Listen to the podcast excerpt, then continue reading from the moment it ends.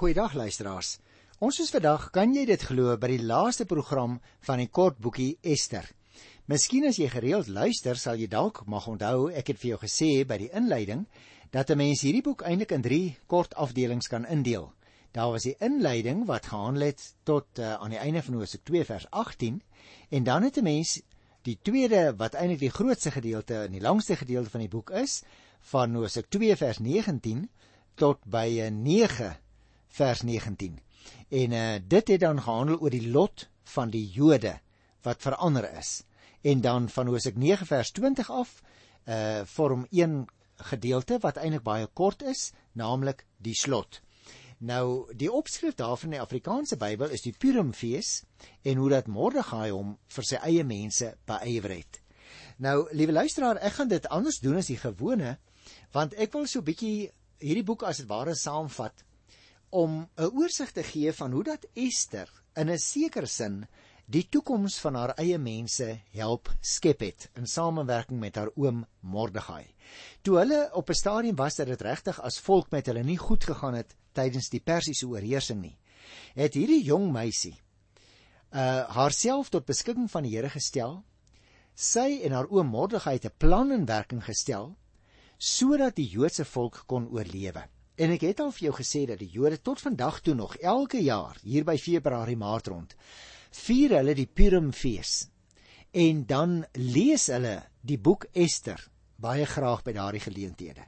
Want dit vertel vir hulle hoe dat 'n jong meisie meegewerk het om die toekoms van die Joodse volk te verseker. Natuurlik, die Here was in beheer daarvan. Ek het dit 'n vorige keer vir jou verduidelik. Maar nou gaan ek eers daaroor met jou gesels en dan gaan ek 'n uh, eh, enkele gedeeltes uh net hier van Hosea 9 vers 20 af met jou behandel as ons nog tyd oor het. Maar miskien is daar selfs 'n jong mens wat vandag na ons luister. Dan dink ek aan hulle, moet hulle 'n bietjie hulle ore spits hoor, want hier het ons die suksesverhaal van 'n jong meisie wat die toekoms van haar eie mense op so 'n manier beïnvloed het dat dit nou amper 3000 jaar nog steeds vir hulle belangrik is om die boekie wat haar naam dra te lees. En ek sou ook vir 'n jong mens wou sê en ook vir ons ander mense wat luister, vir ons wat nou al ouer is, help skep die toekoms.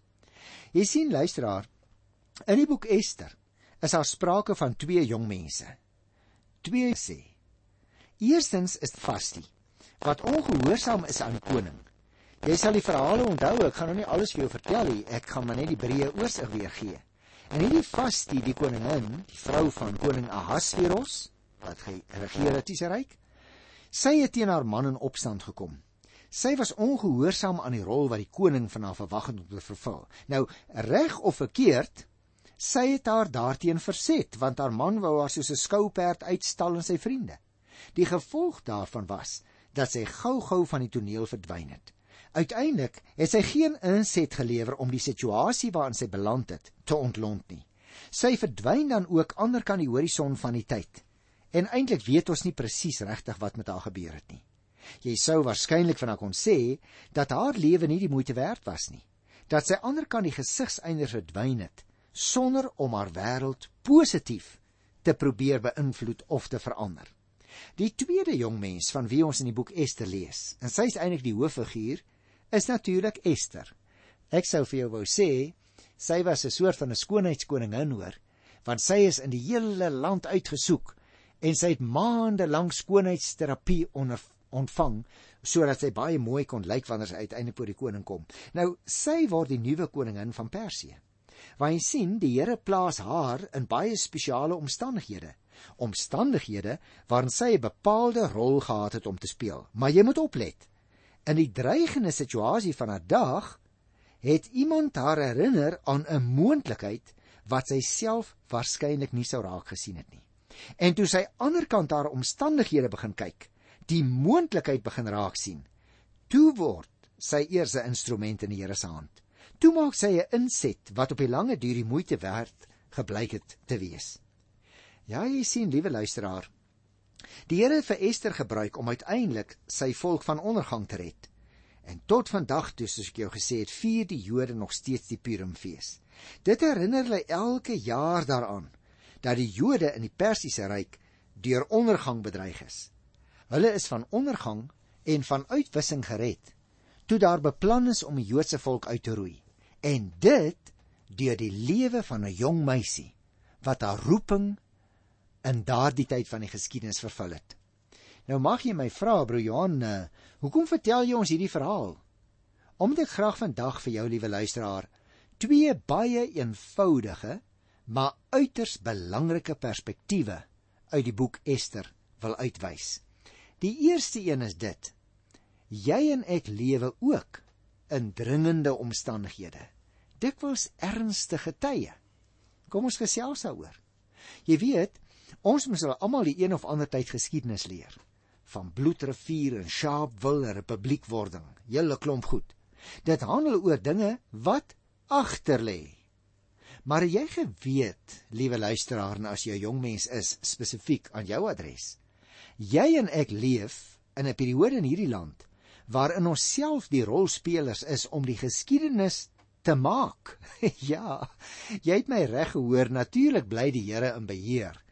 Ek het 2, 3 keer met jou daaroor gepraat tydens die behandeling van die boekie Ester.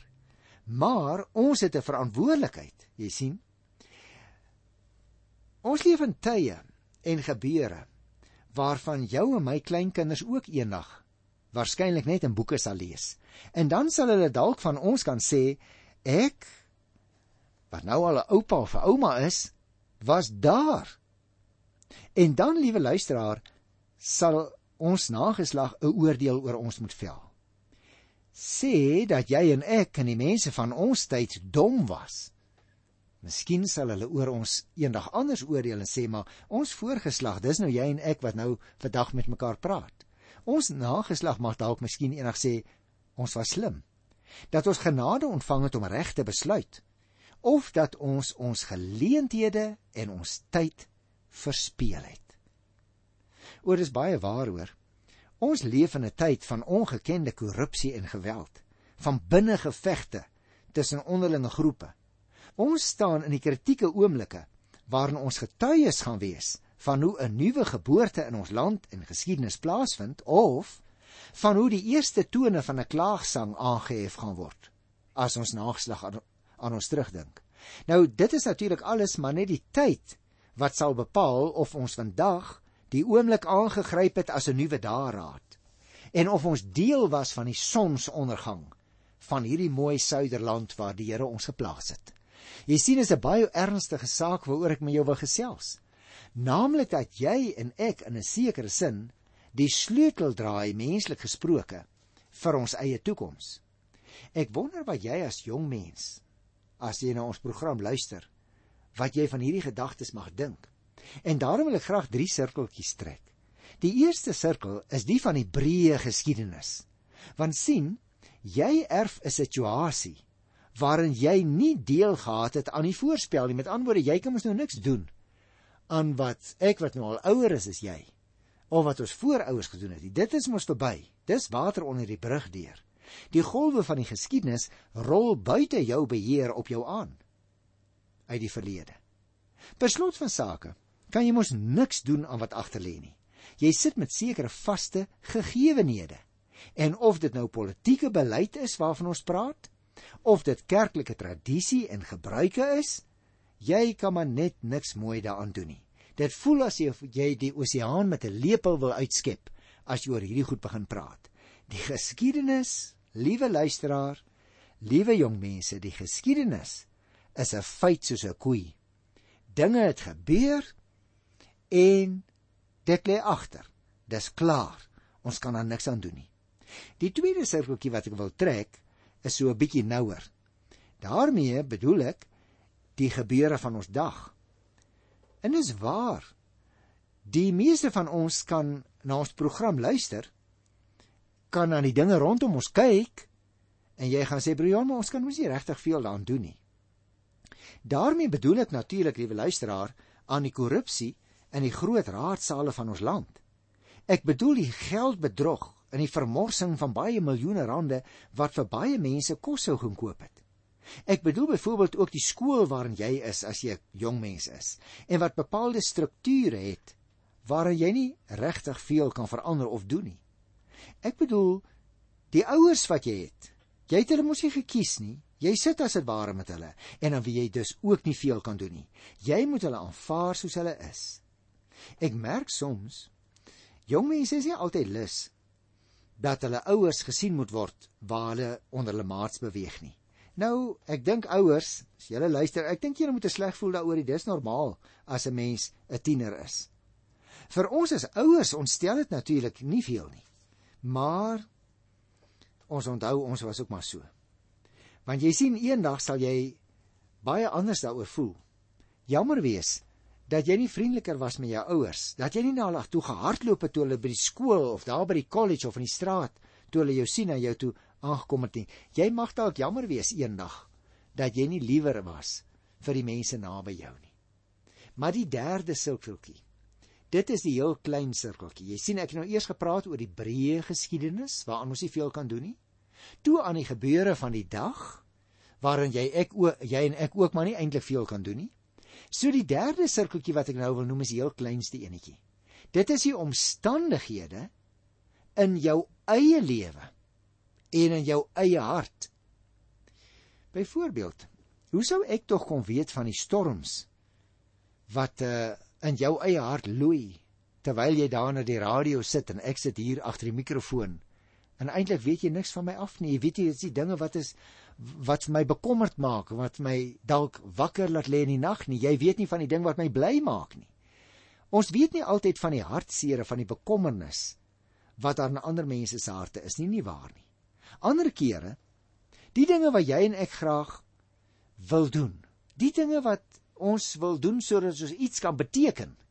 Maar jy daar die geleentheid by jou verbyspoel. Die woorde wil maar net nie reg uitkom nie, dan bly jy liewer stil. Jy, jy sit dalk na die programme luister. Dalk is jy in gerieflike omstandighede.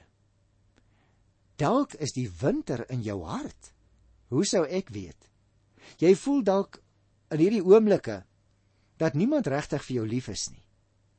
Jy's dalk in 'n situasie waar jy nie werk kry nie. Jou beursie is plat, jy het niks geld nie. Baie dae beleef jy jouself sommer maar net as 'n mislukking. Luister.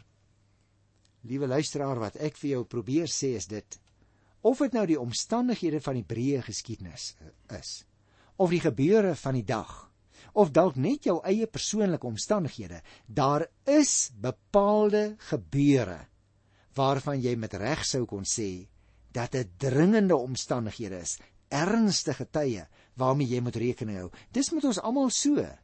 En daarom wil ek jou nou graag tweedens 'n baie belangrike vraag vra vandag as ek so voorbarig mag wees. Hoe reageer jy op hierdie dinge?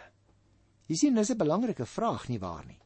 En dit is nou waar die voorbeelde van die twee jong dames in die boek Ester weer vir ons belangrik word.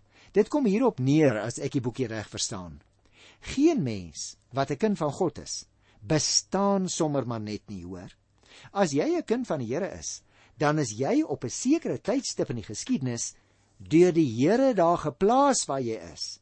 Jou omstandighede is die omstandighede wat die Here oor jou toelaat, wat hy vir jou goed dink. Jy het nie sommer net as gevolg van 'n happening hier in die wêreld ingekom nie. En luister nou baie mooi. Jy is die enigste een wat in jou omstandighede kan lewe op so 'n manier dat dit jou ondergang tot gevolg het of jou oorlewing. En ook as dit omstandighede is waarvan jy miskien nie altyd baie hou nie. Onthou dan die vraag wat ons kry in die boek Ester by die 4de hoofstuk by vers 4. Wie weet? Miskien is dit juis met die oog op 'n tyd soos hierdie dat jy geplaas is waar jy is. Jy sien, jy kan eintlik met jouself en met jou omstandighede net een van twee dinge doen. Jy kan toelaat dat dit oor jou spoel en jou omspoel, jou onderkry en jou vernietig. Of jy kan ook hierdie omstandighede sien as 'n geleentheid 'n springplank om een trappie hoër te eindig as wat jy vandag is. Sal jy my toelaat om vir jou nog 'n vraag te vra maar maar hierdie keer is dit eintlik 'n heel persoonlike vraag hoor. Gelukkig hoef jy my nie in die oë te kyk nie, hoef jy nie te antwoord nie. Hier is die vraag. Hoe sien jy jouself op die horison van jou lewe? Met ander woorde as jy nou vorentoe dink. Hoe sien jy jouself? Natuurlik weet ek dat jy ook graag 'n sukses van jou lewe wil maak. Dat jy graag eendag as jy oud is, sal wil terugkyk en sê my lewe was 'n fees, een groot fees. ja, en as dit so is, dat ek vandag eintlik net vir jou die regte stukkie raad. Moenie die geleenthede by jou laat verbygaan soos koningin Vasti gedoen het nie, maar wees soos Ester. Gebruik elke moontlike geleentheid en jy sal op die lange duur die vrug daarvan pluk. Luister. As jy bo wil uitkom, liewe jong mens, terwyl jy die lewe geniet, doen dit aan die hand van die Here. As jy as volwassene, as jy 'n beter ouer wil wees as wat jou eie ouers is, begin om nou daaraan te werk, liewe vriend en vriendin. As jy iemand wil wees wat aan die einde van jou dag 'n glimlag op die Here se gesig sal wil sien as hy aan jou dink, begin nou 'n glimlag lewe lei aan die hand van die Here. Ook al is die nag soms donker en die storms baie sterk, moenie gaan lê nie. Maak jou inset in hierdie land. Maak jou inset in jou skoolwerk. Gebruik elke moontlike geleentheid wat jy kan bedink. Dan sal daai droom wat jy op die horison vir jouself droom, daardie silhouet wat jy in jou geestesoog van jouself sien, dan sal dit waar word. Dit sal miskien nie uitwerk presies net soos jy wil hê nie, maar soos wat die Here wil hê. En dit, broer en suster en liewe jong mens, ou mens, dit is mos elkeen wat aan die Here behoort. Dis mos vir ons genoeg. Dan het ons lewe mos sin gehad as ons eendag terugkyk. Reageer dan ook op die gebeure van jou dag soos wat die Here van jou verwag, met liefde en met toewyding met inset van al jou kragte. Aanvaar die dinge wat jy nie kan verander nie en benut die geleenthede wat jy kry. En mag ek jou 'n geheim vertel, liewe luisteraar? Jy sal miskien nie 'n koning of 'n koningin in hierdie wêreld word soos Ester nie. Maar een ding, dit mag jy en ek weet. Omdat ons alreeds koningskinders is, sal die Here se plan met ons waar word. En daarom daarom wil ek elke een wat luister na ons program vandag hê dat jy met 'n nuwe voorneme die radio sal afsit aan die einde. Ek lewe elke dag sodat Christus alles en in almal sal word deur my lewe, dat hy ook alles sal wees in my eie lewe. Maar jy sien as dit met jou met my gebeur en ons begin so lewe, dan sal dit jou moed gee. Want so voorneme dra mens deur. Ook deur hierdie donker onseker tye wat ons op die oomblik belewe. Nee liewe luisteraar jy en ek hoef nie moedeloos te wees nie. Jy hoef ook nie uitsigloos te wees nie want as jy aan die hand van die Here Jesus loop as jy in die voetstappe van die man van Nasaret volg dan glimlag die toekoms mos vir jou wat ook al gebeur want behoort die toekoms dan nie aan die Here nie mag die Here jou seën om in gehoorsaamheid aan hom te lewe elke dag. Dan sal jy ook iemand wees wat 'n boodskap van hoop deurgee aan ander mense wat moedeloos en uitsigloos geraak het. As jy nou daar by die huis sit, net my Bybel hier nader kry, uh en jy dink oor hierdie laaste gedeelte, die boek Ester hoofstuk 9 van vers 20 af, dan wil ek afsluit net met die paar versies wat vir ons aangeteken is in hoofstuk 10. Kom ek lees dit vir jou en dan gesels ons so bietjie met mekaar daaroor. Koning Ahasveros het die vasteland sowel as die eilande dwangarbeid laat doen. Al die groot en magtige dinge wat hy gedoen het en die volle verhaal oor die hoë pos waar hy vir Mordegai bevorder het, is opgeteken in die annale van die konings van Medi en Persië. Die Jood Mordegai was tweede bevel onder koning Ahasveros. Hy was hoog in aansien by die Jode en gewild by al sy volksgenote. Hy het vir hom vir die welfaart van sy mense beywer en hulle veiligheid van al hulle nakomlinge verseker. Het jy opgemerk wat van hierdie man aangeteken is in die Bybel, liewe vriende? Hierdie Mordegai. Hy was hoog in aansien, luister nou mooi, by die Jode en gewild by al sy volksgenote. En luister nou. Hy het vir hom die welfaart van sy mense beywer. Met ander woorde, hy het nie net vir homself gelewe nie.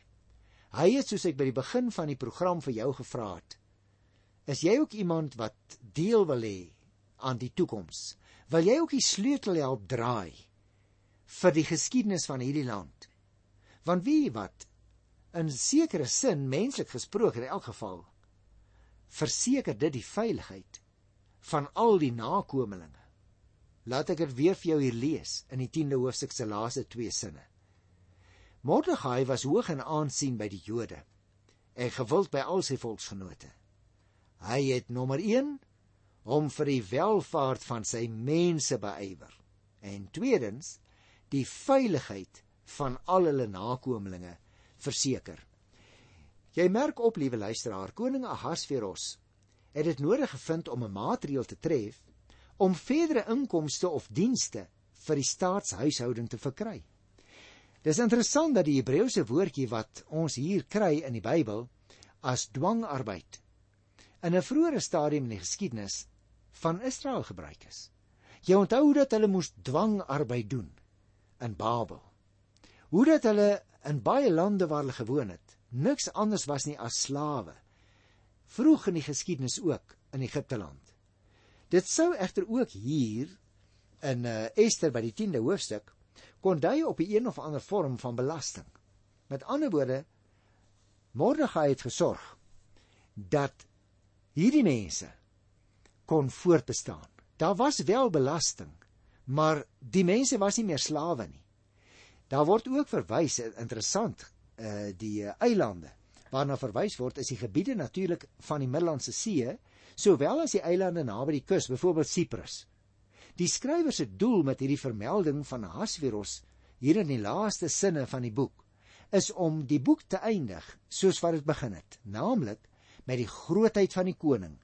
Sy mag blyk onder andere daaruit dat hy in staat was om belasting van die mense te vra, selfs tot in die uithoeke van sy ryk.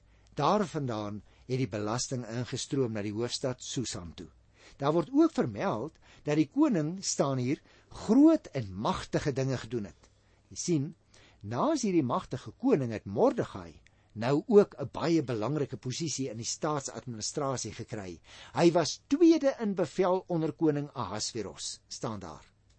Tog was hy ook gewild by die Jode en het hy na hulle belange omgesien die annale van die konings waarvan ons nou weer hier lees van Medi en Persië is vandag nog nie gevind nie. Maar dit was natuurlik in die tyd van die skrywer baie goed aan hom bekend. Dit gaan dus oor hierdie gedeelte oor die instelling van die jaarlikse twee dag fees van die Purim en die betekenis daarvan. Die Purim fees luisteraars En dit is my laaste opmerkings oor die boekie Ester, is die fees van alles wat verander het en omgekeer het. Dit is die fees wat gaan oor God wat die krag het om enigiets na sy wil te verander. Purimfees is die ironiese simbool van die magteloosheid van menslike mag wanneer jy voor God se almag kom staan. Hy kan enige mag op aarde tot sy teendeel omkeer en dit diensbaar maak aan hom en aan die wat aan hom behoort. Dit sien ons mos in die boekie Ester. Daarom het ek vir jou uitgewys, jy en ek te verantwoordelikheid om ook die toekoms van ons eie land in 'n bepaalde rigting te stuur. Deur sy mag het die Here die skande en die verleentheid van die kruis omgekeer in die vreugde van ons verlossing. Deur die mag van die Heilige Gees kan die Here my en jou ook omkeer in mense van die koninkryk as ons dit nog nie is nie. En daarom is my oproep tot jou luisteraar: kom buig aan die voete van die man van Nasaret. Hy en hy alleen gee vir jou en vir my die reg om kinders van God genoem te word. Ek groet jou dan in sy heerlike heerlike naam tot volgende keer en dan begin ons so die Here wil met die pragtige boek Job. Tot dan. Totsiens.